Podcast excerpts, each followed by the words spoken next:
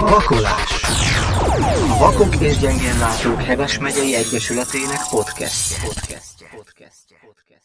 Szeretettel köszöntök mindenkit. A közösen könnyebb programsorozatunk újabb előadása jött el a mai napon. Nagy öröm számomra, hogy vendégként köszönhetem Tótné dr. Kisorosz Máriát. Szia, Maja! Szia Gábor, én is szeretettel köszöntök mindenkit. Elmondanám azt minden kedves érdeklődőnek, hogy a program sorozatunkról minden információt a weboldalunkon meg lehet találni. vgyhme.hu az oldalunk címe. Azt is elmondanám, hogy a, ezt az adásunkat is, mint a többit is élőben közvetítjük a Facebookon, és a Vakolás Podcast csatornánkon is visszahallgatható majd bármikor a nagyobb podcast megosztó oldalakon fönt vagyunk az Apple, a Google, a Spotify és még több másikban is. Azért örülök különösképpen, hogy veled tudok ma beszélni, mert hogy Heves megyében azért mondhatjuk, hogy itt az elmúlt évek során rengeteget tettél a látássérültekért, és azért, hogy a látássérültek úgymond ügye, akadálymentesítése és életminősége előre haladjon és javuljon. Erről részletesen fogunk beszélni, és természetesen arról is, hogy mivel neked jogász végzettséged van, ezen a területen hogyan tudnak a látássérültek úgymond érvényesülni, különösképpen ugye ügyintézés közben milyen jogi ö, akadályok, ö, akár aláírással kapcsolatban, közjegyzői okiratokkal kapcsolatban és egyéb ehhez hasonló ö, ügyintézés során milyen akadályok és lehetőségek vannak, amikről talán nem is tud mindenki. De ezek előtt kezdjük már azzal, légy szíves, hogy egy rövid bemutatkozást mondasz nekünk magadról néhány szót. Köszönöm szépen a lehetőséget, hogy részt vehetek ebben a programban. Ilyenkor mindig zavarban vagyok, hogy mivel is kezdjem. Én sokkal jobban szeretek az Egyesületünkről, a munkánkról beszélni, mint saját magamról. Azt mindenképpen fontosnak tartom elmondani, hogy két fiúgyermek boldog édesanyja vagyok, és ezt tartom a legfőbb hivatásomnak az életben. Ezen kívül elég sok minden mást is csinálok még. Valahogy úgy szoktam érezni, hogy ami, amire feladatot kapok a Jóistentől, abba az irányba kell mennem, és ahogyan említetted, 2002-ben uh, kaptam meg konkrétan úgy gondolom azt a feladatot, hogy alakítsuk meg a Vakok és Gyengénlátók Integráló és Sportegyesületét, aminek van kötődése a, a megyei egyesülethez, hiszen annó ott, ott kezdtük a pályafutásunkat, akkor még mint megyei egyesületi tagok kezdtünk el csörgőlabdázni, de aztán később meg kellett, hogy alakuljon a sportegyesület, hiszen csak így vehettünk részt a bajnokságokban. Értem. Kicsit mm, rákérdeznék én arra is, ugye, hogy te látássérült vagy szintén, ugye sajnos hozzám hasonlóan, és amit még nem mondtunk el a hallgatóinknak, hogy sajnos a mai napon ugye személyesen beszélgettünk volna, de ö, egyes ö, felmerült körülmények ebben minket megakadályoztak, ezért elnézést kérünk mindenkitől, de ebben a formában is tökéletesen meg tudjuk ezt a, az előadást ö, ejteni, és ezt a beszélgetést ejteni. Elmondanád-e azt nekünk, hogy hát hogyan jött a sajnálatos betegséglátássérülés nálad, mi történt a az életedben?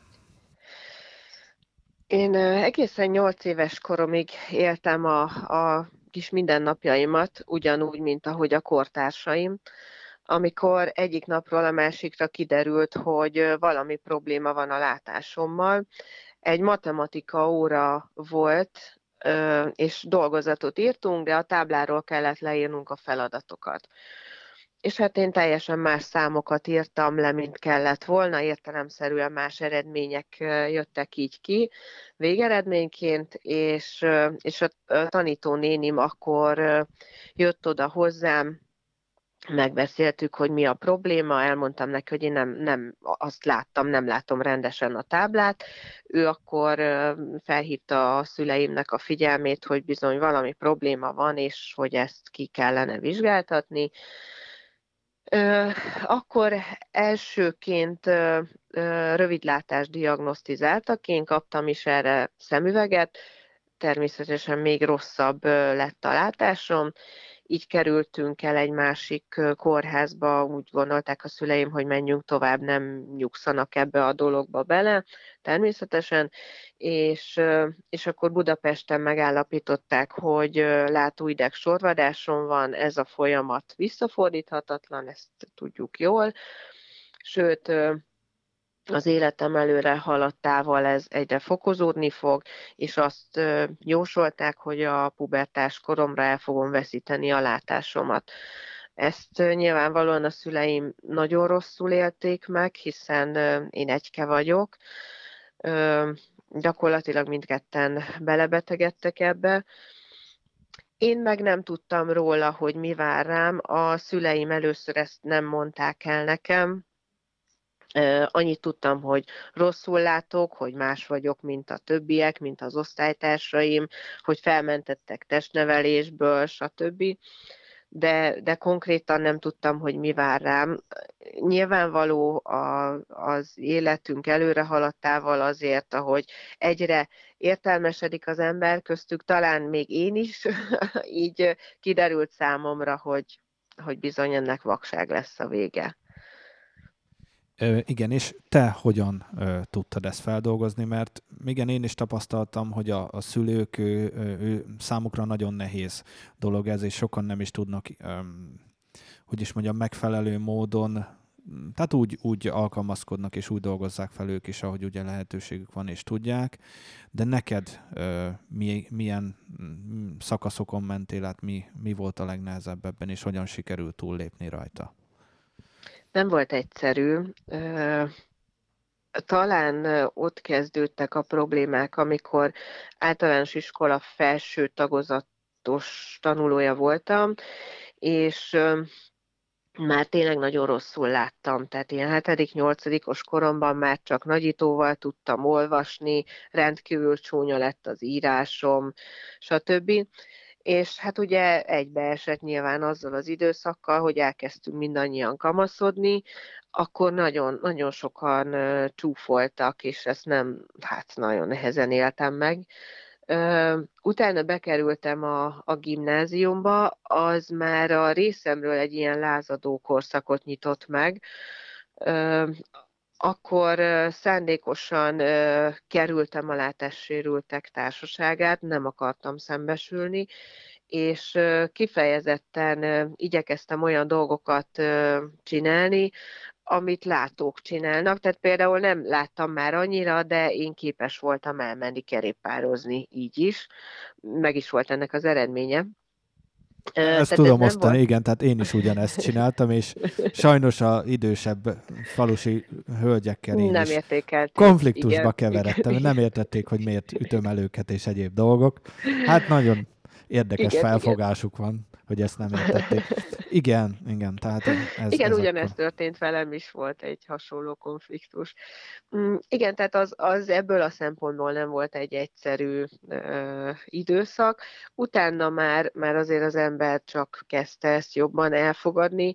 Én nem ö, voltam elemi rehabilitációnak, ö, ö, tehát nem, nem vettem részt elemi rehabilitációban, úgyhogy ilyen szempontból talán még nehezebb volt ennek a feldolgozása, de aztán jöttek a látássérült barátok, az Egyesület, és onnantól kezdve már minden ment a maga útján.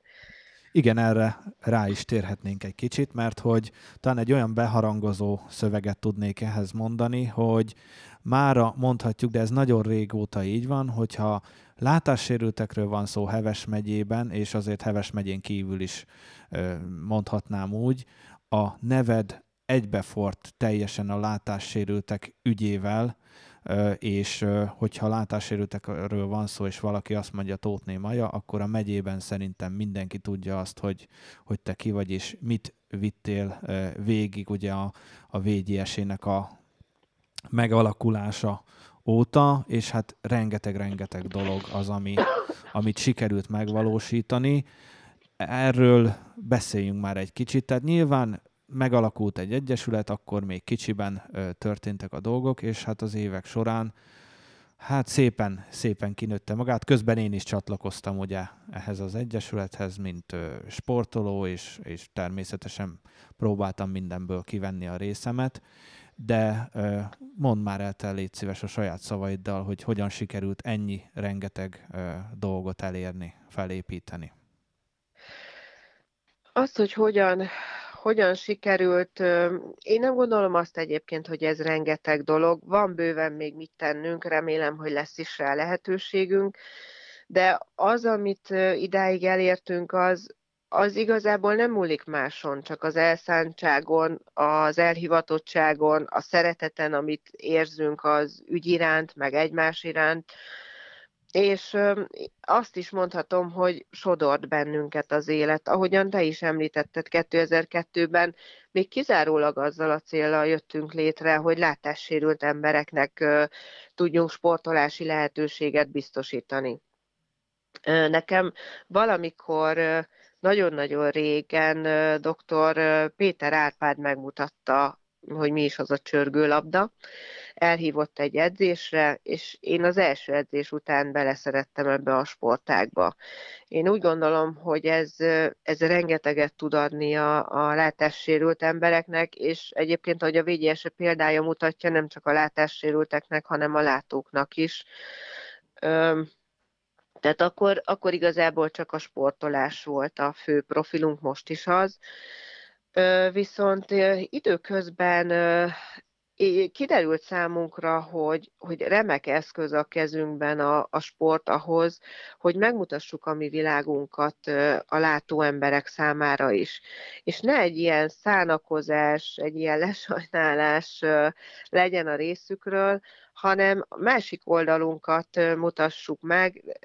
Te jól tudod, Gábor, hogy hogy úgy gondolom, mi az Egyesületben egy ilyen vidám társaság vagyunk, tényleg nem szereti közülünk senki, hogyha, hogyha a szánakozás tűnik fel a, a beszélgető partnerünknek az arc, arcán vagy a szavaiból, inkább azt szeretjük, hogyha ha látják azt, hogy mi is tudunk értéket teremteni, esetenként mi is tudunk másoknak örömet okozni, vagy segíteni, sokkal Tudja inkább szemléletet formálni, mert hát igen, mi is tapasztaltuk igen, igen. ugye nővéremmel, és uh, ugye hárman vagyunk testvérek, még egy öcsém is van, mind a hárman ugye látássérültek vagyunk, és azért gyermekkorunkban elhangzott ez mások szájából, hogy hogy ú, szegény látássérült, de kár érte, de szép gyerek lenne. Tehát, hogy ez Igen. azért így ö, elég érdekes ö, nem is tudom, kinyilvánítás emberektől, vagy megnyilvánulás,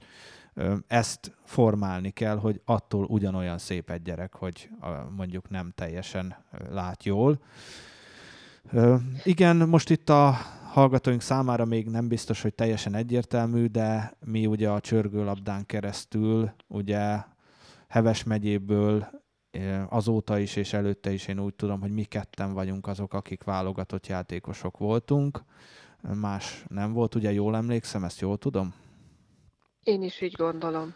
És mi azért együtt annyi mindenen átmentünk, hogy ami, hogy is mondjam, kapcsolatunk jóval ö, szorosabb annál, mint amit itt ugye hivatalos formában ezt lehet érzékelni, tehát mi külföldön együtt ö, drukkoltunk egymásnak és szorítottunk, és e, ezek a, tehát maga a sport annyira fantasztikus érzelmeket és minden egyebet mozgat meg egy, egy emberben, így egy látássérültben is, hogy ez szerintem annyira leírhatatlan, hogy csak azok tudják megérteni, akik, akik ebben benne voltak és kipróbálták, és éppen ezért szoktuk majával minden fórumon elmondani, hogy próbálja ki mindenki a csörgőlabdát, aki megteheti, és ezt meg is lehet tenni a VGS-nél, mert edzések vannak, és mindig, mindig van rá uh, nyílt nap, és lehetőség, hogy ezt ki lehessen próbálni. Ö, azt hiszem, te is egyetértesz ezekkel a, Így van. a dolgokkal. Így van, természetesen, igen. Igen. Na de hát ugye Igen. mm, nem csak a sport, amiben ö, sikerült úgymond nagyot alkotni így az Egyesületnek, hanem el beszélnél a többi dologról is, itt az akkreditációról, a foglalkoztatásról, amik már így ezek is mutatják, hogy mennyire sokoldalú az Egyesület palettája, működési palettája, és hogy, hogy mennyi mindenben segítetek a, a látássérülteknek. Igen. Ö, 2006-ban eleve a nevünkben történt egy változás, addig Vakok és Gyengénátok EGRI Sport Egyesülete voltunk, és aztán úgy gondoltuk, hogy beletesszük az integrációs szót, integráció szót, hiszen hiszen akkorra már, már ez kikristályosodott, hogy, hogy a sporttal nagyon nagyon sokat tudunk változtatni az embereknek a szemléletén és ezt a gondolatsort továbbvíve jött el az a lehetőség, hogy 2009-ben akkreditáltattuk az Egyesületet, és akkor lehetőségünk nyílt arra, hogy főként látássérült személyeknek tudunk munkát biztosítani, úgy, ahogyan nálatok is, nálunk is szellemi tevékenységben dolgoznak a kollégák, és tényleg állandó jelleggel elmondhatom azt, hogy 80-90 százalékban látássérülteket alkalmazunk. Nyilvánvalóan vannak olyan munkakörök, amelyeket más megváltozott munkaképességű személynek kell elvégeznie, más sérüléssel, gondolok itt a könyvelésre, vagy a segítő tevékenységre. Tehát tudnánk végezni, de mondjuk nagyon érdekes eredmény jön Igen, neki, hogyha tehát... itt a papírra kakaós cigákat Igen. rajzolnánk, tehát az nem Igen, nem de az sem mert hogyha a sofőr is lát, azért ez sem hátrány. Hát vagy Ö... valaki legalább üljön mellett, aki irányítja, ugye, hogy merre, Így van, merre így van. Jól van, bocsánat. Igen. Igen, tehát azért mindig szempont az, hogyha lehet, akkor látássérültet veszünk föl elsődlegesen. És akkor úgy gondolom, hogy a, a foglalkoztatás volt egy nagy nyitás a mi életünkben. Onnantól kezdve kitágult a világ, és egyre, egyre több feladatot tudtunk elvégezni, hiszen volt már kapacitásunk rá és, és jött még 2018-ban az a lehetőség, az a felkérés, hogy a jó hosszú neve lesz elnézést kérek a hallgatóságtól ezért, a Család Esélyteremtő és Önkéntes Ház Heves megyei szervezete addig 36, 36, 980, háza, addig ők az állami szférában működtek, és aztán úgy gondolta a minisztérium, hogy ezt kiszervezi a civil szférába, és meg lehetett pályázni a címbirtokosi címet amit mi meg is tettünk, és meg is nyertünk, úgyhogy 18 áprilisától mi működtetjük ezt a megyei intézményt. Ennek keretében a hátrányos helyzetű csoportok, így a fogyatékossággal élők integrációjának az elősegítése a cél, tehát úgy gondolom, hogy abszolút profilba vágó, ezért is gondoltuk azt, hogy pályázunk erre, ennek az intézménynek a működtetésére.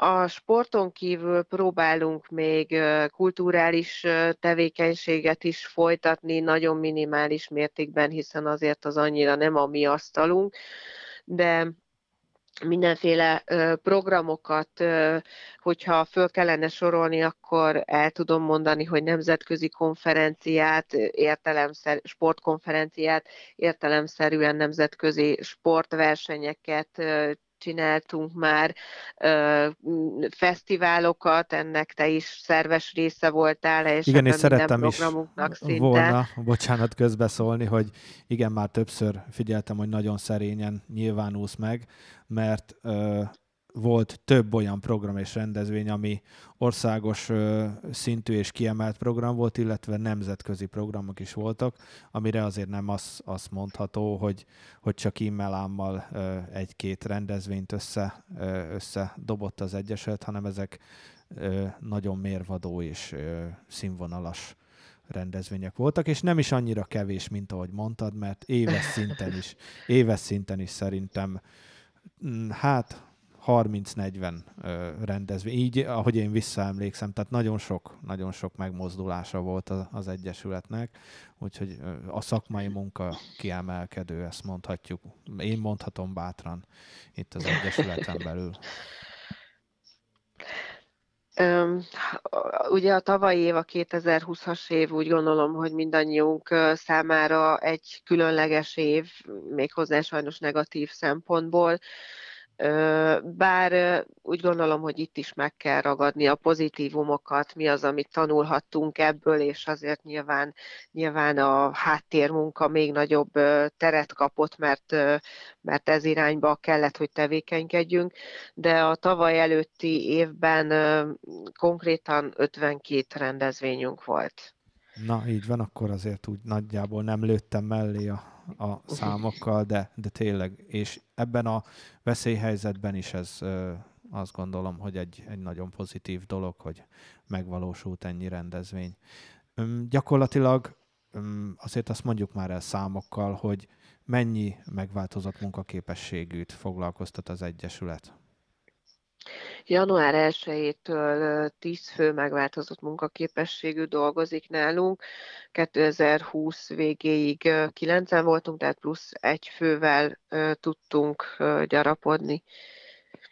Ez egy nagyon jó dolog, tehát azért tíz embernek egy biztos megélhetés, és egy mondhatjuk azt, ahogy említetted is, tehát egy szellemi kiteljesülés is, ez, ez és ettől azért sokkal jobb életszínvonal, színvonala lehet ezeknek a megváltozott munkaképességű embereknek, akiket az Egyesület ugye hát régóta, régóta tud foglalkoztatni.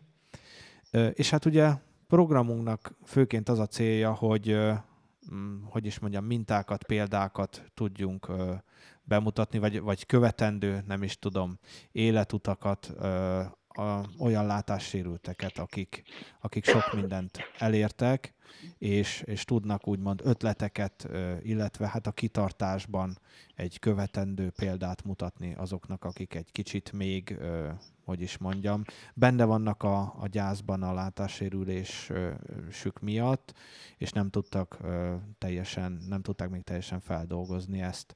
Rá is térnénk arra, ha részére a beszélgetésünknek, hogyha te is egyetértesz vele, hogy, hogy te milyen képesítéseket szereztél, milyen tanulmányokat végeztél, és, és természetesen, hogy ez az életedre milyen hatással volt, melyik volt jó döntés, melyik az, amiben jól tudsz érvényesülni. Uh-huh. Hogy melyik volt jó döntés? Úgy gondolom, mindegyik jó döntés volt, hiszen most itt vagyok, itt lehetek, és minden döntésem hozzájárult ahhoz, hogy ez így legyen. Amikor leérettségiztem, Egerbe jártam a Szilágyi Erzsébet gimnáziumba, akkor, akkor aztán okozott fejtörést, hogy hova tovább. Az nyilvánvaló volt, hogy látássérültként egy gimnáziumi érettségivel hát hogy is mondjam, csak nem valószínű, hogy rám vár a nyílt munkaerőpiac, ezért, ezért az, az biztos volt, hogy tovább fogok tanulni. Az irány az már, az már kevésbé volt biztos. Nagypapám, keresztapám mindig is azt akarta, hogy jogász legyek. Én az érettségi ö, után, 18-19 évesen nem éreztem magamban annyi erőt, hogy képes vagyok a jogi egyetemet elvégezni. Úgyhogy tettem egy-két kört odáig. Az egyik ilyen köröm például a, a főiskolai diplomám volt. Szexárdra jártam, szociális munkásként végeztem, egy csodálatos négy éve volt az évet, életemnek. Ö, nagyon jó hangulatú főiskola, ö, nagyon tudásban is úgy gondolom, hogy nagyon sokat adott. Látássérültként is teljesen jól tudtál ö, alkalmazkodni a körülményekhez, és, és hogy hozzád is tudott az intézmény. Igen, köszönöm, hogy ezt Köszönöm, hogy ezt mondtad. Igen, ezzel akartam folytatni, hogyha te nem mondod ki. Azért a koromat nem szeretném elárulni, de ez már jó rég volt, hogy én főiskolás voltam, és akkoriban az, hogy hogy az informatika olyan szinten elterjedt lett volna, hogy tényleg akadályok nélkül, vagy az akadálymentesítés is olyan szinten tartott volna, hogy nem okoz problémát látássérültként felvételizni a főiskolára, ezt nem tudom elmondani. Nyilván problémát, fejtörést okozott, és egyéni megoldásokat követelt a felsőoktatású intézménytől, ők megkerestek mindenféle lehetőséget, hogy én tudjak felvételizni, szóban felvételiztem, az írásbeli vizsgákat szóban tudtam teljesíteni, tehát maximálisan ö, odafigyeltek erre a dologra, és ö, tényleg nagyon támogatóak voltak. Ezt követően elhelyezkedtem, én a főiskola elvégzését követően rögtön el tudtam helyezkedni a szakmámban mentorként. Aztán aztán később úgy gondoltam még a, a gyermekvállalás előtt, hogy hát bizony jó lenne egy egyetemi végzettség is, ez még mindig nem a jog volt, hanem a szakmai úton mentem tovább, a szociális területen, és az eltén végeztem el a, a szociálpolitikus szakot. Erről úgy különösebben nem szeretnék mit mondani. Ez abszolút ilyen személyiségemből fakadó dolog, hogy én a vidéki egyetemeket, főiskolákat sokkal inkább preferálom. Én úgy gondolom más, más a hangulata egy ilyen vidéki felsőoktatási intézménynek, vagy ez volt a tapasztalatom. Tehát az eltét azt elvégeztem, és bizony ez a két diploma kellett ahhoz, hogy vegyem a bátorságot, és úgy gondoltam, hogy akkor eljött a pillanat, hogy én most beiratkozom a jogi egyetemre.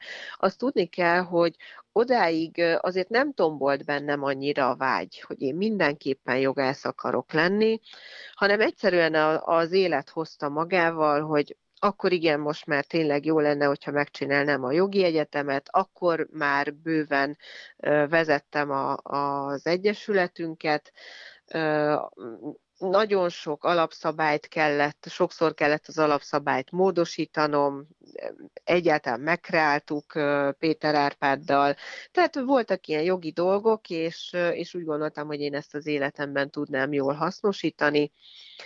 Úgyhogy Miskolcon elvégeztem a jogi egyetemet, és akkor már csak egy lépés volt hátra, szerettem volna a jogot és a sportot, mint számomra két kedves területet összekötni, ezért utána beiratkoztam a Pázmány Péter Katolikus Egyetemre, és ott elvégeztem a sportjogász szakot, legjobb tudomásom szerint elsőként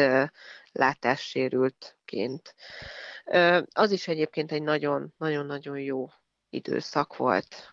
És hát elmondhatjuk azt, hogy közben te sportoltál, mint válogatott játékos, mint magyar válogatott sörgőlabdás, és közben vezetted az Egyesületet, ugye az előbb említett kilenc munkavállalónak az ügyes bajos dolgait is intézted, és ezt mind két gyerek mellett. Hát ugye ilyenkor szokták viccesen kérdezni, hogy aludni is aludtál-e valamikor, de nem sokat szerintem. Ahogy, ahogy emlékszem, ahogy emlékszem a kapott e-mailekből, nagyon késői dátumok voltak rajta, de, de mégis ö, örömmel tudsz erről a, hát mondhatjuk megterhelő időszaknak azért a, a, a sikereket, hogyha leszámítjuk, mert az ugye tompítja a, a, az időközben elszenvedett fáradtságot, de azért mondhatjuk azt, hogy, hogy kemény volt? Igen, mindenképpen kemény volt amikor én, nekem megadatott az életemben az, hogy válogatott sportoló lehettem, óriási büszkeséggel töltött el, el kell, hogy mondjam. Én ezt egy kiváltságnak éltem meg. Tehát azt gondolom, hogy amikor az embernek van arra lehetősége, hogy a nemzeti színű melegítőben, és te pontosan jól tudod, hogy mi ez az érzés. Tehát amikor a nemzeti színű melegítőben a hazánkat képviselhetjük külföldön, vagy akár itthon is, az egy leírhatatlan érzés. Ezt mindenkinek őszintén kívánom, akinek csak lehetősége van rá, hogy legalább egyszer, egyszer próbálja ki, milyen is ez. Engem egy rendkívüli, rendkívüli érzéssel töltött el. De megvolt ennek az ára, tehát mint minden eredményért nyilvánvalóan ezért is dolgozni kell, és az volt ebben a nehézség, hogy számomra ez a, ez a lehetőség, ez későn adatott meg. Más lett volna akkor, hogyha a gyermekvállalás, a családalapítás előtt van erre lehetőségem, de nem, ahogyan te mondtad, nekem így egyszerre jöttek ezek a dolgok, a sport, az élsport, a, a munka, az egyetem és a család természetesen, és úgy gondolom, hogy ez utóbbi volt az a családom, aki, aki talán ez az egész legjobban megterhelt, és ezt sajnálom, így utólag sajnálom. Azokat az éveket, azt a lehetőséget önmagában nem, de nagy árat kellett ezért fizetni. Szerencsére a házasságunk nem ment tönkre, de azért megviselte, el kell, hogy mondjam, és uh, nyilvánvaló uh, az az idő, amit nem a gyerekeimmel tudtam fordítani, az is tud fájni. Igen, ezek az árny oldalai úgymond a dolognak, de ahogy te is említetted, tehát leírhatatlan az érzés, amit Ez így van. egy Európa-bajnokságon a magyar címeres mezben érez az ember, és hát elmondhatjuk, egyébként egy külön beszélgetést is megérne természetesen csak ez a része is, meg az, az életednek bármelyik epizódjáról lehetne ugye nagyon sokat, mert hogy azért én emlékszem arra, amikor nézőként láttam, hogy 17 másodpercen múlott a, a bronzérem a B csoportos Európa bajnokságon, annak a szupernői válogatott csapatnak, amiben te is benne voltál, és belülről a pályáról is átélted ezt a 17 másodpercet. Na igen, tipikus példa, hogy 17 másodpercről lehetne bőven egy órát beszélni, azt gondolom. Igen. Arról a 17 másodpercről mindenképpen. Igen. Nyilván ez sem történt véletlenül, ennek így kellett történnie, természetesen sajnáltuk, hogy így alakult, de még mennyire sajnáltuk. De most már akkor konkrétan mondjuk el a hallgatóknak, hogy hogy alakult ez a 17 másodperc eredményben. Megtennéd, hogy így felidézed? Ez, igen, ez, ez úgy alakult, hogy ö, háromszor volt ö, lehetőségem B csoportos Európa bajnokságon részt venni. Elsőként Törökországban voltunk, akkor nagyon, nagyon zöld fülükként utaztunk oda ki. Nem volt annyira erős a mezőny, én azt gondolom, negyedik helyjel sikerült zárnunk egy óriási eredményként könyvelte el a Magyar Paralimpiai Bizottság is akkor azt a teljesítményt, és még magunkat is megleptük, hogy az úgy sikerült. Következő Európa bajnokságunk az Olaszországban volt, Annyira érdekesen alakult a, a dolog, mert szintén ugyanígy az elődöntőt elveszítettük, és negyedik helyjel zárult. A pályafut, nem a pályafutásunk, hanem az a versenyünk, és aztán 14-ben volt Magyarországon az Európa bajnokság, természetesen őrületes előkészületekkel a szervezők részéről is, és részünkről is, sportolók részéről, hiszen hiszen a saját hazánkban egy világversenyen részt venni, na ez az igazi kiváltság, úgy gondolom. És egészen jól is alakultak a mérkőzéseink, addig, amíg, amíg az elődöntőben újra ugye kísértett bennünket ez a negyedik hely, és, és hát kikaptunk az utolsó másodpercekben. Hát így alakult. Így Ez alakult. így alakult, így, így meghiúsult a, az elosztályba való feljutás, mindenki ezt várta tőlünk, ez meghiúsult, és ezt követően az a csapat, az a női csapat, az fel is bomlott. amiért egy nagyon nagy kár volt, mert ahogy elmondtam, egy fantasztikus csapat volt, és az eredménytől függetlenül mindent beletettetek az Európa bajnokságokba, és ebbe a mérkőzésbe is, de hát ugye, ahogy ö, szüleim mondták, mindig a labda az kerek, és hát gurulni fog valamilyen irányba. Ez Jó, most bocsánat, hogy ezt előre nem is beszéltük meg, hogy ennyire mélyen belemegyünk ezekbe a, a dolgokba, de hát ugye nyilván, ha mi ketten leülünk, akkor valami hasonló eredmény jön ki belőle. És azt ö, terveztem én még, illetve terveztük, hogy beszélnénk egy kicsit arról, hogy jogászként milyen akadályokkal szembesültél, ami a látássérülteket érinti, és milyen megoldások vannak esetleg, ami, ami viszont pozitív, és hogy is mondjam, akadálymentesen megoldható egy, egy ügy intézése. Hát gondolok itt ilyen kemény dolgokra, mint a közjegyzői okiratok, lakásvásárlás, akkor egyéb, egyéb ilyen ügyintézések. Beszéljünk már előről akkor még a, egy kicsit. Picit messzebbről kezdem.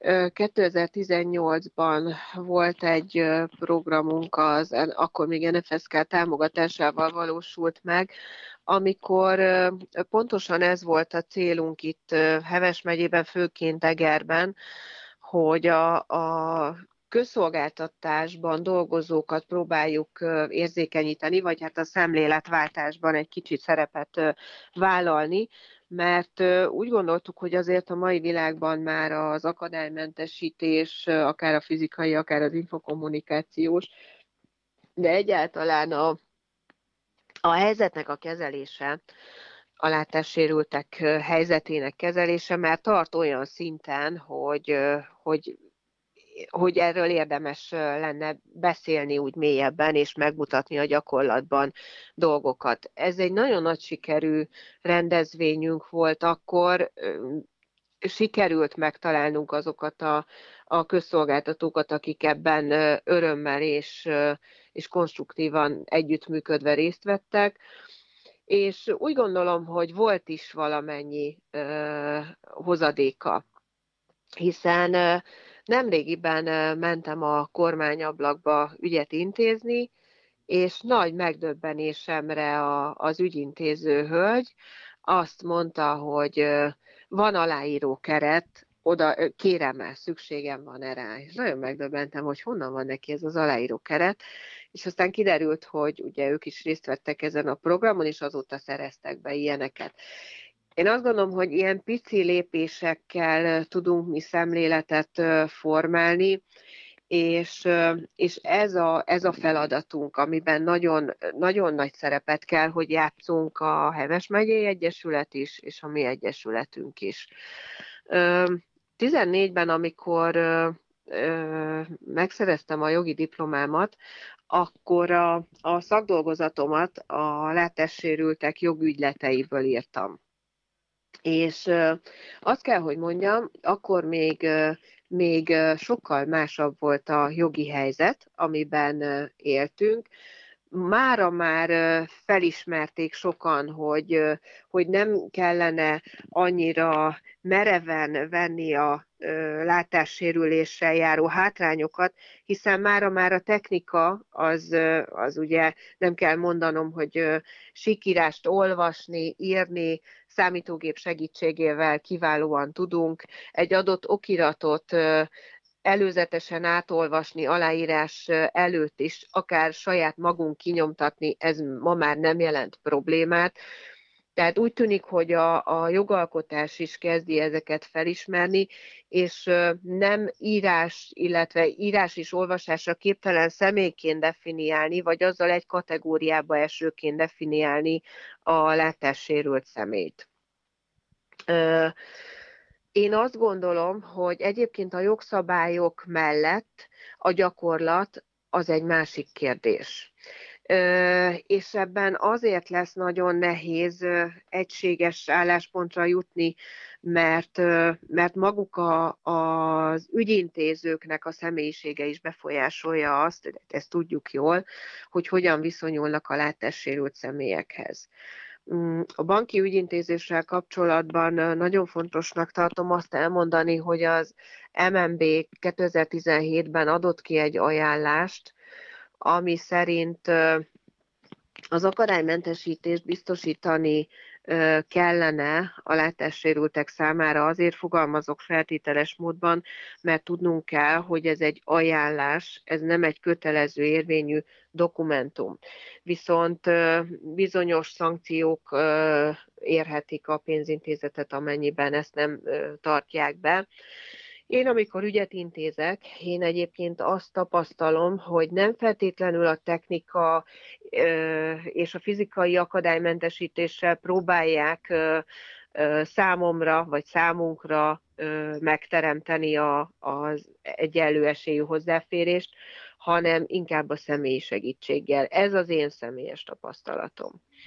Az akadálymentesítésről még, ha megengeded, Egerben egyébként sem egyszerű a fizikai akadálymentesítés.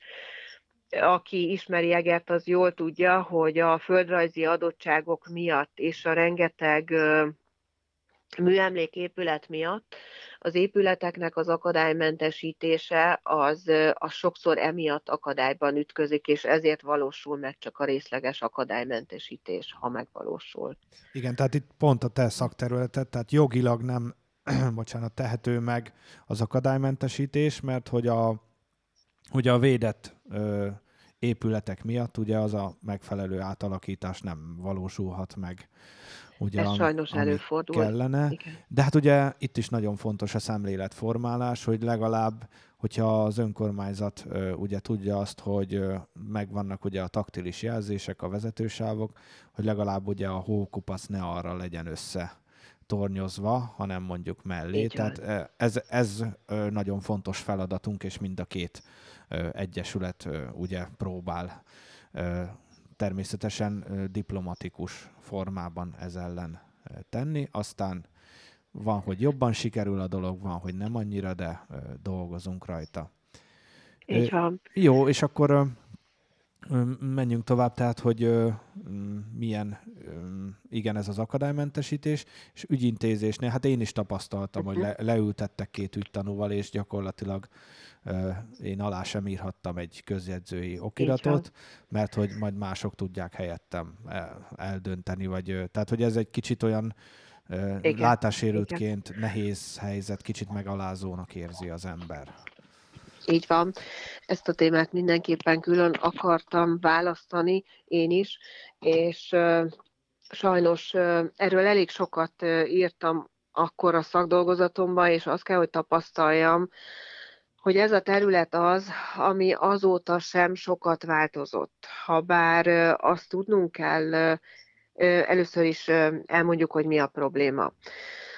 Magyarországon az ingatlan nyilvántartást illető jogügyletekben, tehát gondolunk itt lakásház vásárlására, vagy földterület vásárlására, cseréjére, stb. Tehát ami ingatlant érintő jogügylet, minden esetben közik, közokiratba kell foglalni, hogyha látássérült személy az érintett fél, tehát akár eladó, akár vevő.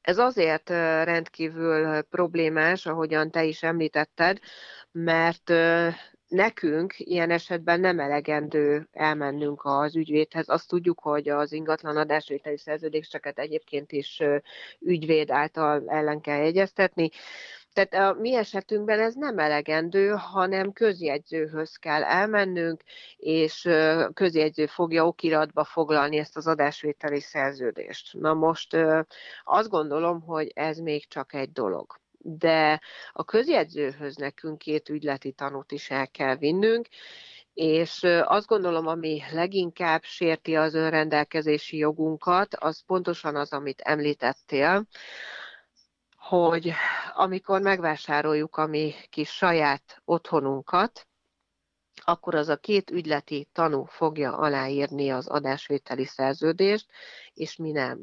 Na most én azt gondolom, hogy ez olyan mértékben sérti a mi méltósághoz fűződő jogunkat, és még jó néhányat föl lehetne sorolni, amivel én magam sem tudok azonosulni. 2018-ban ez a téma egyébként az alapvető jogok biztosához is került, és ő is arra a megállapításra jutott, hogy ez sérti a látássérültek önrendelkezési jogát és a szabad döntési jogát is. Viszont én azóta sem tudok arról, hogy változás történt volna ezzel kapcsolatban, és ha jól tudom, akkor neked is vannak friss emlékeid, amik sajnos még a régi eljárást támasztják alá. Igen, igen, nem régen vásároltunk mi is lakást, ahol uh, ugyanez, ugyanez volt a kitétel. Sőt, nekem a közjegyző kikötötte, hogy olyan embert kell vinnem, aki engem ismer, Uh-huh. ami szerintem a, mondjuk a törvényt nem ismerem szó szerint, de nincs benne. És itt jön képbe az, amit te mondtál, hogy az ügyintéző személyisége is sokszor befolyásoló tényező, hogy mennyire, mennyire tudja a, hogy is mondjam, mm, úgy kezelni a dolgot, hogy minél kevésbé sérüljenek azért a, a, a látássérültek ebben a történetben. Mm, én is végigjártam ezt. Talán annyi változásra emlékszem, de nem tudom pontosan ezt megfogalmazni, hogy a díjakkal kapcsolatban talán a fogyatékkal élőknek van kedvezmény azóta, hogy talán Igen. megfelezhető úgymond a díja a közjegyzői költségek. Hát igen, igen. Ez, egy, ez egy nagyon, hogy is mondjam, kemény téma, és kicsit, hogy is mondjam, nem is hétköznapi, tehát, hogy ö, talán többször vissza kell hallgatni ö, ezeket a dolgokat a hallgatóinknak is, hogy, hogy megértsék, amiről beszélünk. Mondjuk annyira nem mentünk bele, de nekem a múltkor... Szándékosan. Igen, jött egy visszajelzés a múltkor informatikai témáról tartottam előadást, és akkor hívott egy nagyon kedves idős tagunk, mondta, hogy hú, Gáborkám, nagyon jó volt az előadás, egy szót se értettem. Azt mondja. Jó, de um, igen, tehát ez a, ez a közjegyzői része, ez is egy nagyon, nagyon kemény dolog, és akkor említettük ugye a banki ügyintézést, az a másik, ami, ami nagyon szigorú, ugye, és uh, én is találkoztam olyannal, hogy uh, egy vidéki uh, bank uh, nem, nem hozott létre, tehát nem engedett bankszámlát nyitni egy látássérültnek uh-huh. önállóan. Igen. Tehát ö, ilyen is előfordul. És hát ugye az aláírási mintákkal kapcsolatban ott is fordulnak elő. Ö, rátérhetünk arra egy kicsit, hogy a aláírással kapcsolatban ugye, ugye több megoldás van. Ö, lehet megbízott aláírója egy látássérültnek, és hogy ö, nem tudom, pecsétet talán ö, lehet-e használni, ezekről tudnál egy kicsit körképet adni? Ö, igen, azt szeretném még elmondani, így a, csak egy mondat erejéig visszatérve a közjegyzőre, és az aláírással egyébként összefüggően, hogy mekkora visszásság az, hogy a természetes személyként így kell, hogy intézzük az ügyeinket, például közjegyző előtt. Ezzel szemben, mint egy egyesületnek a képviselője, ugye aláírási címpéldányt kell, hogy készítessünk, és ott, ott természetesen mi magunk írjuk alá, és az a hiteles, az az egyetlen elfogadott aláírás, ami használható hivatalosan az Egyesületben. Tehát amíg magunkért úgymond nem vállalhatunk felelősséget, ez egy kicsit erős, csak szeretnék nem annyira szakmaian fogalmazni, addig az Egyesület tagjaiért, egy civil szervezetért viszont minden további nélkül. Én úgy gondolom, hogy ez is egy érdekes dolog. Nagyon érdekes, és gyakorlatilag egy látássérült, pont a múlt héten csináltattam aláírási címpéldányt, vittem egy alapszabályt, egy bejegyzési határozatot, és minden további nélkül ugye megcsinálták. Így van. Amíg ugye a lakásvásárlásnál több alkalommal kellett menjek egy ügy miatt ugye a közjegyzőhöz, mert az ügytanuk és egyéb egyéb buktatói voltak, Igen. hogy így mondjam a dolgot. Nagyon érdekes. Nagyon, Igen, de ez így van. Ugye megoldás, megoldás még egyelőre sajnos e- erre nincs. Igen. Hát az aláírás az egyébként valóban egy nagyon-nagyon érzékeny terület. És, és azt gondolom, hogy nehezen is lehet jól kezelni ezt a területet. Hiszen a jogalkotói szándék szerint a mi védelmünk az, amiért az aláírási jogunk bizonyos szempontból más, mint egy, szándékosan nem mondom azt, hogy korlátozott, más, mint egy épp embernek, hiszen abból indul ki, hogy a látássérült ember nem látja azt, nem tudja elolvasni azt, amit aláír, ilyen módon ezt kihasználva akár megtévesztésnek, tévedésnek eshet áldozatul. Na most valóban tudjuk, hogy erre is akár van lehetőség, előfordulhat.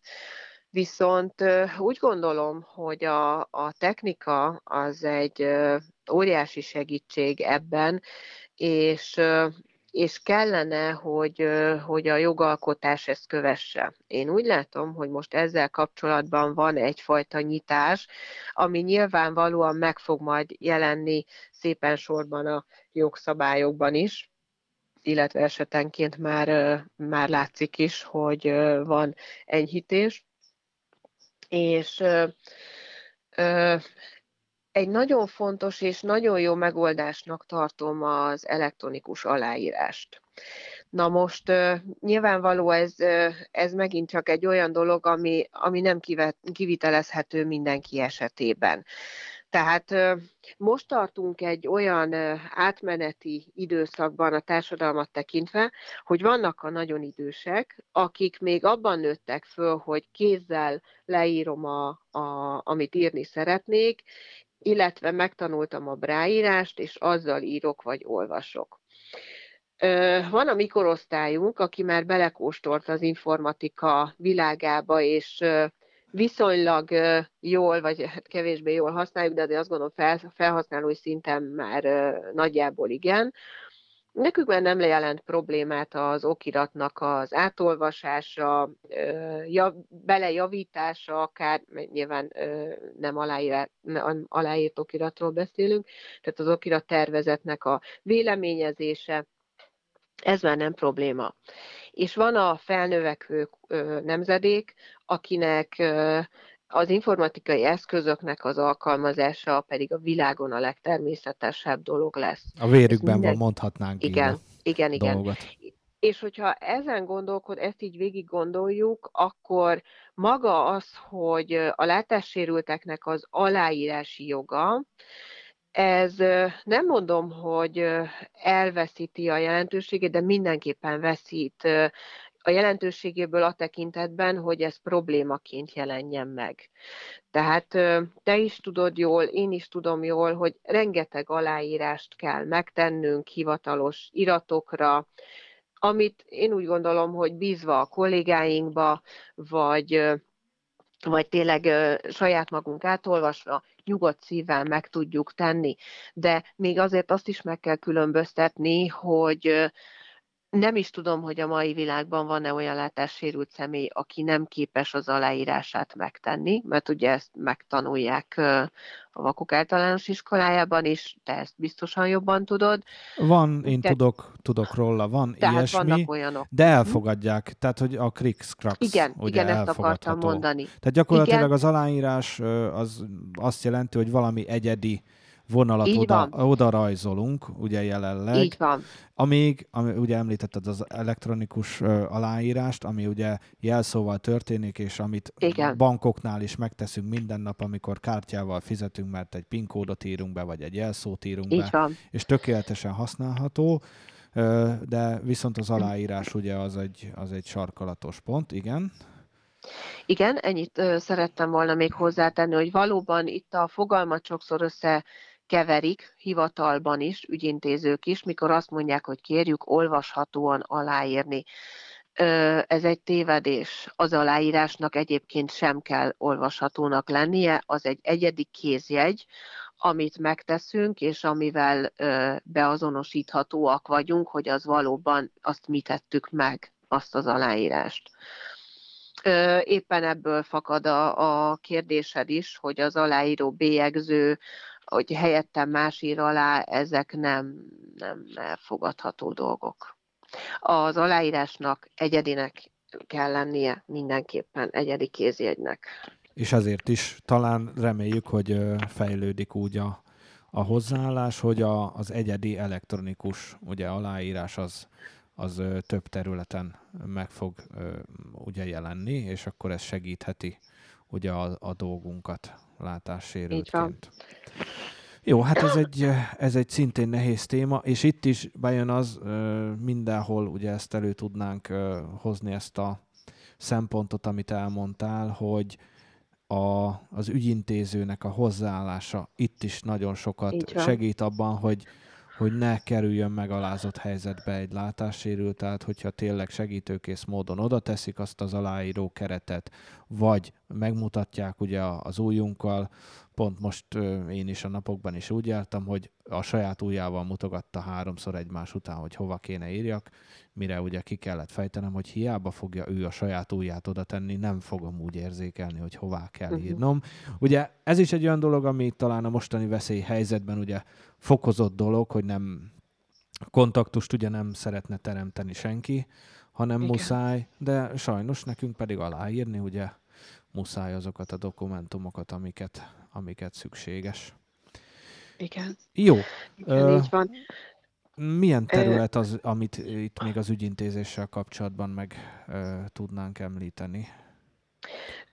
Ezt akartam egy picit továbbvinni, ezt a gondolatot, hogy nyilvánvalóan lehet szabályokat alkotni, kell is. Kell is, hogy legyen egy alapvető szabályozás, egy mihez tartás véget, de, de ugyanannyira fontosnak tartom a hivatalokban dolgozó kollégáknak a képzését méghozzá a gyakorlati képzését, pontosan ezért, amit elmondtál, mert meggyőződésem, hogy nagyon sokszor nem hogy is mondjam csak, nem a, a beállítottsága miatt nem nyújt segítőkezet, hanem azért, mert nem rendelkezik kellő információval.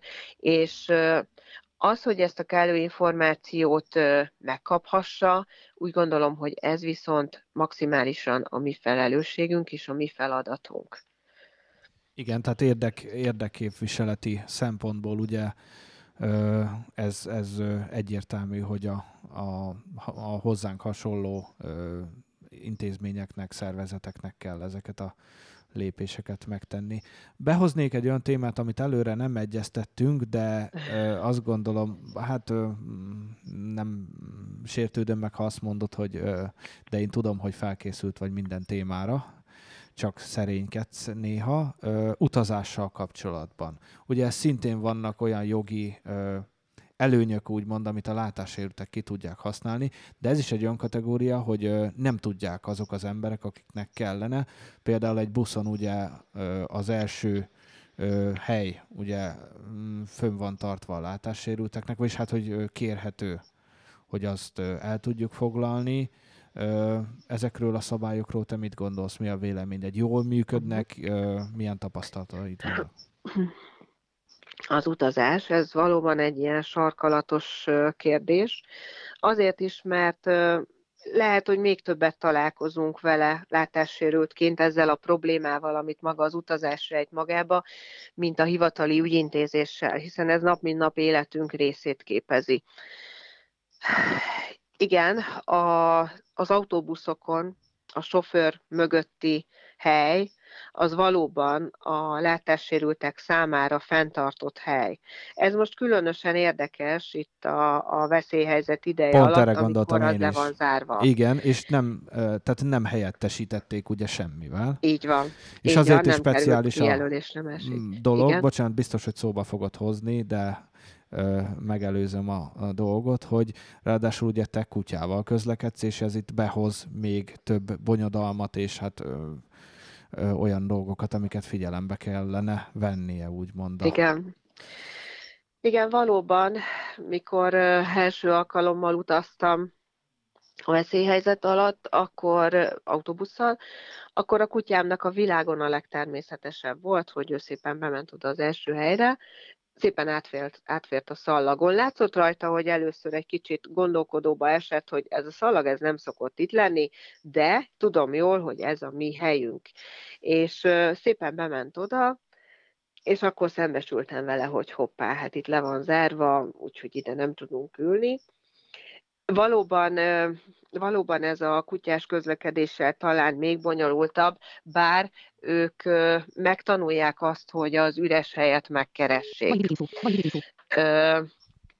Na most a veszélyhelyzettől eltekintve próbáljuk meg ezt a témát végig gondolni úgy, amikor, amikor nincsen veszélyhelyzet.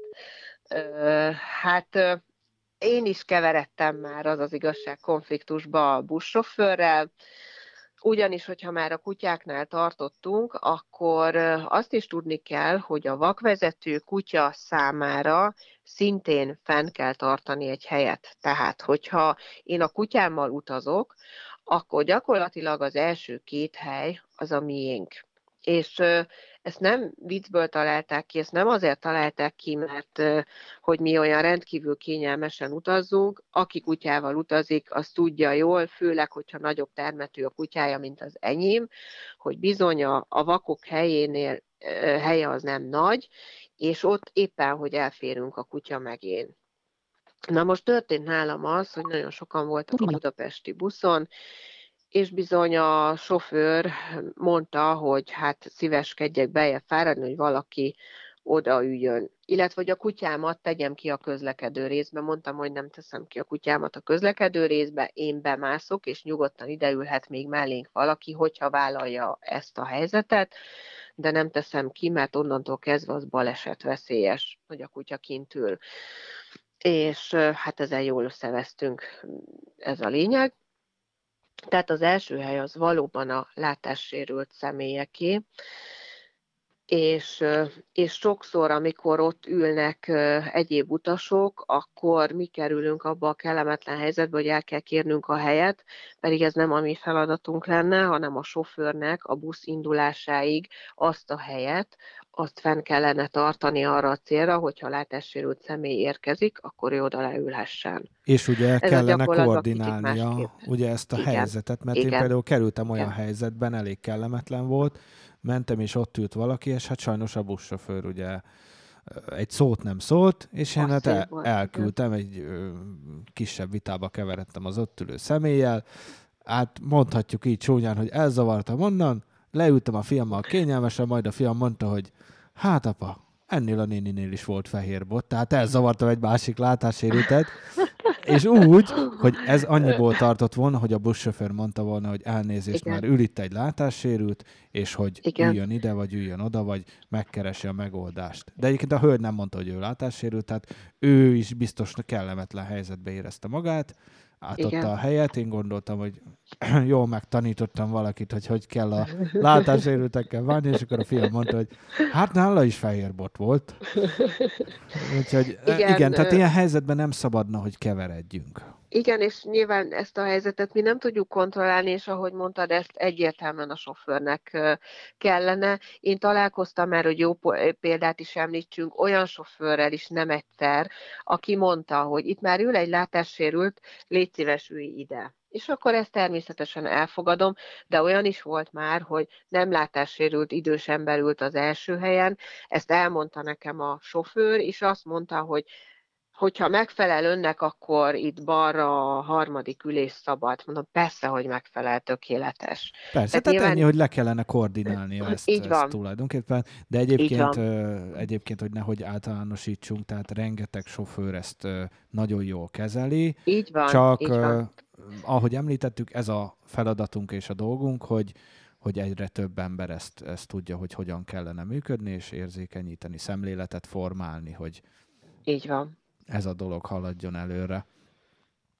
Ö, és akkor még említsük már meg néhány szóban azt is, hogy ö, ö, hát akár kutyával, de anélkül is a látássérülteknek azért egy üzletben és egy ö, akár ügyintézésnél is ugye vannak azért szabályok, amik, amiket érvényesíthetünk, úgymond. például, ugye, ha jól tudom, hogy a, a vakvezető kutya ö, mindenhová úgymond bemehet a látássérült, vagy a látássérült ugye beviheti a, a vakvezető kutyát, és ö, legyen szó akár cukrászdáról, étteremről, ö, ez, ez szabályban van foglalva, hogy, hogy a vakvezető kutya bemehet, ezt jól tudom, ugye? Így van, igen, a 27 per 2009-es Nyomja meg a kiválasztás gombot az aktiválás. SCM rendelet szabályozza ezt a kérdést. Valóban úgy fogalmazza meg, hogy ami lakosság elől nem elzárt terület, oda bemehet a vakvezető kutya, és ez, ez ténylegesen mindent magába foglal, kórházat, strandot, élelmiszerboltot, könyvtárat, bármit, bármit. Viszont van sajnos néha, hogy ez nem valósul meg, és az ott dolgozó ugye ezt nem ismeri ezt a szabályt. Én is találkoztam már ilyennel. Na hát ez is egy olyan feladat, amit, amit meg kell oldani, Igen. és tudni kell. Nyilván megvannak, megvannak ennek a, a követelményei is, tehát kell, hogy legyen rajta megkülönböztető jelzés, az egészségügyi vizsgálatoknak mindig eleget kell, hogy tegyünk, megfelelő ápoltsággal kell a kutyusnak bírnia, tehát azért vannak ennek feltételei, ez teljesen természetes, úgy gondolom, de amennyiben ezek teljesülnek, akkor a biztonsági őr köteles beengedni. Néha megkérdezik még tőlem üzletekben, ahol biztonsági őr van, hogy biztos, hogy bejöhet a kutya, és mondtam, hogy nyugodt lehet, biztos, igen, biztosan bejöhet. Arra van-e valamilyen szabály, tudsz -e ilyenről, hogy például a, az üzlethelységekben, tehát egy boltban vagy bárhol kötelessége segíteni az alkalmazottaknak mondjuk egy látássérült vásárlását? Tehát nem tudom, üzletszabályzat, központi jog, vagy bárhol van-e ilyen? Ö, magasabb szintű szabályról nem tudok. Ugye, ami a, a fogyatékossággal élőknek az esélyegyenlőségét biztosítja, ez, ez egy ilyen köztudomású törvény, a 98 évi 26-os, a FOT, de de ez, ez nyilvánvaló általánosságokat határoz meg. A kisebb finomításokat, a végrehajtás, stb. ezt nem akarok ebbe belemenni, nyilvánvalóan mindig egyre kisebb szintű ö, szabályozást tartalmazza. Üzletszabály esetlegesen ö, ö, igen, szabályozhat ilyet, de ez üzletszabály szinten jelenhet meg. Ugye, amit tudok a postánál, ugye az üzletszabályzatban benne igen, van, igen. A, a vak, vak, vakos küldemény talán valahogy így is van megfogalmazva, vagy vakok írását tartalmazó ö, Igen. küldemény, ami ugye 7 kilóig ö, díjmentesen feladható. Ingyenes, igen. Abban az esetben, hogyha ugye az a, egy szervezet és a látássérült között ö, valósul. igen. Így van, így Igen. van, így van. Tehát, hogy Igen. egy látássérült egyesület küld a tagjainak ki levelet, vagy Igen, ez így fordítva, van. ez, ez megvalósítható, és ez egyébként egy nagyon jó dolog, de akkor az üzletekben nincs így konkrétan meghatározva, hanem, hanem ez, egy, ez is egy olyan terület, amit kicsit ki kell ö, sajtolnia az ott ö, dolgozó ö, emberekből, hogyha bemegyünk vásárolni. Nyilvánvalóan ez úgy tud érvényesülni, hogyha egy látássérült ember úgy érzi, hogy méltóságában megsértették, és, és ez a látássérülésevel összefüggésben történt, akkor tehát panaszt felsőbb szinten, egyenlő bánásmódhatóság, stb. Tehát ez így tud érvényesülni, ez a dolog. Értem. Ö, jó, közben nagyjából az időnk le is telt. Na, van-e esetleg még olyan dolog, amit a, a hogy is mondjam, az én téma ugrándozásaim miatt ö, kihagytunk a mai beszélgetésből, és szeretted volna megemlíteni, hozzátéve azt, hogy ezekről tényleg órák hosszát lehetne bármelyik témáról beszélni, és egyébként, hogyha bárkiben valamilyen kérdés ö, maradt volna, akkor az elérhetőségeinken föl lehet tenni, és igyekszünk rá válaszolni, illetve ha olyan jellegű, akkor ö, és hozzájárulsz, akkor téged is megkeresnélek ezekkel a kérdésekkel ö, kapcsolatban. Van-e valami esetleg, amit nem említettünk, és bele gondoltál foglalni a mai ö, előadásba? Biztosan nagyon sok témát lehetne még érinteni. Érdemes nagyon sok téma még arra, hogy beszélgessünk róla. most konkrétan nem, nem szeretnék továbbiakat kiemelni. Én úgy gondolom, hogy tényleg viszonylag sok területet tudtunk érinteni, viszont szeretném megköszönni a lehetőséget, hogy, hogy megkerestél ebben a témában, és hogy tudtunk beszélgetni. Sok sikert kívánok a program megvalósításához, és sok ilyet, sok hasonló programot még, mert akkor fogunk mi is akkor fogjuk magunkat komfortosabban érezni Egerben és Heves megyében, hogyha ezért nagyon sokat dolgozunk, és úgy gondolom, hogy, hogy ez is egy óriási lépés, amit most itt csináltok ahhoz, hogy jobban, ére, jobban érezzük magunkat. Nagyon szépen köszönjük, és elmondanám azért azt, hogy az Egyesület a VGS-ének, aminek ugye te vagy a vezetője, van egy weboldala, vgyese.hu, ha jól tudom, ugye? És, igen. Itt, és itt minden információt meg lehet találni. Illetve a Facebook oldalunkon, igen. Illetve a Facebook, és bárkinek bármilyen kérdése van, ö, ott vannak az elérhetőségek, és tudnak ö, hozzád, hozzátok fordulni, illetve ö, be is ö, lehet lépni, természetesen tagokat is ö, vár a, a szervezet, és a a csörgőlabdát is, azt még egyszer el, el tudom mondani, hogy érdemes kipróbálni mindenkinek, aki megteheti, mert egy, egy fantasztikus sport, ami a látássérültekért jött létre, és, és hát és hát imádjuk. Na, úgyhogy röviden ennyit tudnék róla mondani. Nagyon szépen köszönöm, Maja, hogy elfogadtad a meghívást, és hogy ránk áldoztad ezt a, hát kicsit már több, mint egy óra hosszát és hát sok sikert kívánok én is az Egyesületnek, és neked is. Köszönöm szépen, viszont kívánom. Viszont hallásra mindenkinek. Viszont hallásra. Ez volt a vakolás. További információkért keresd fel weboldalunkat wghme.hu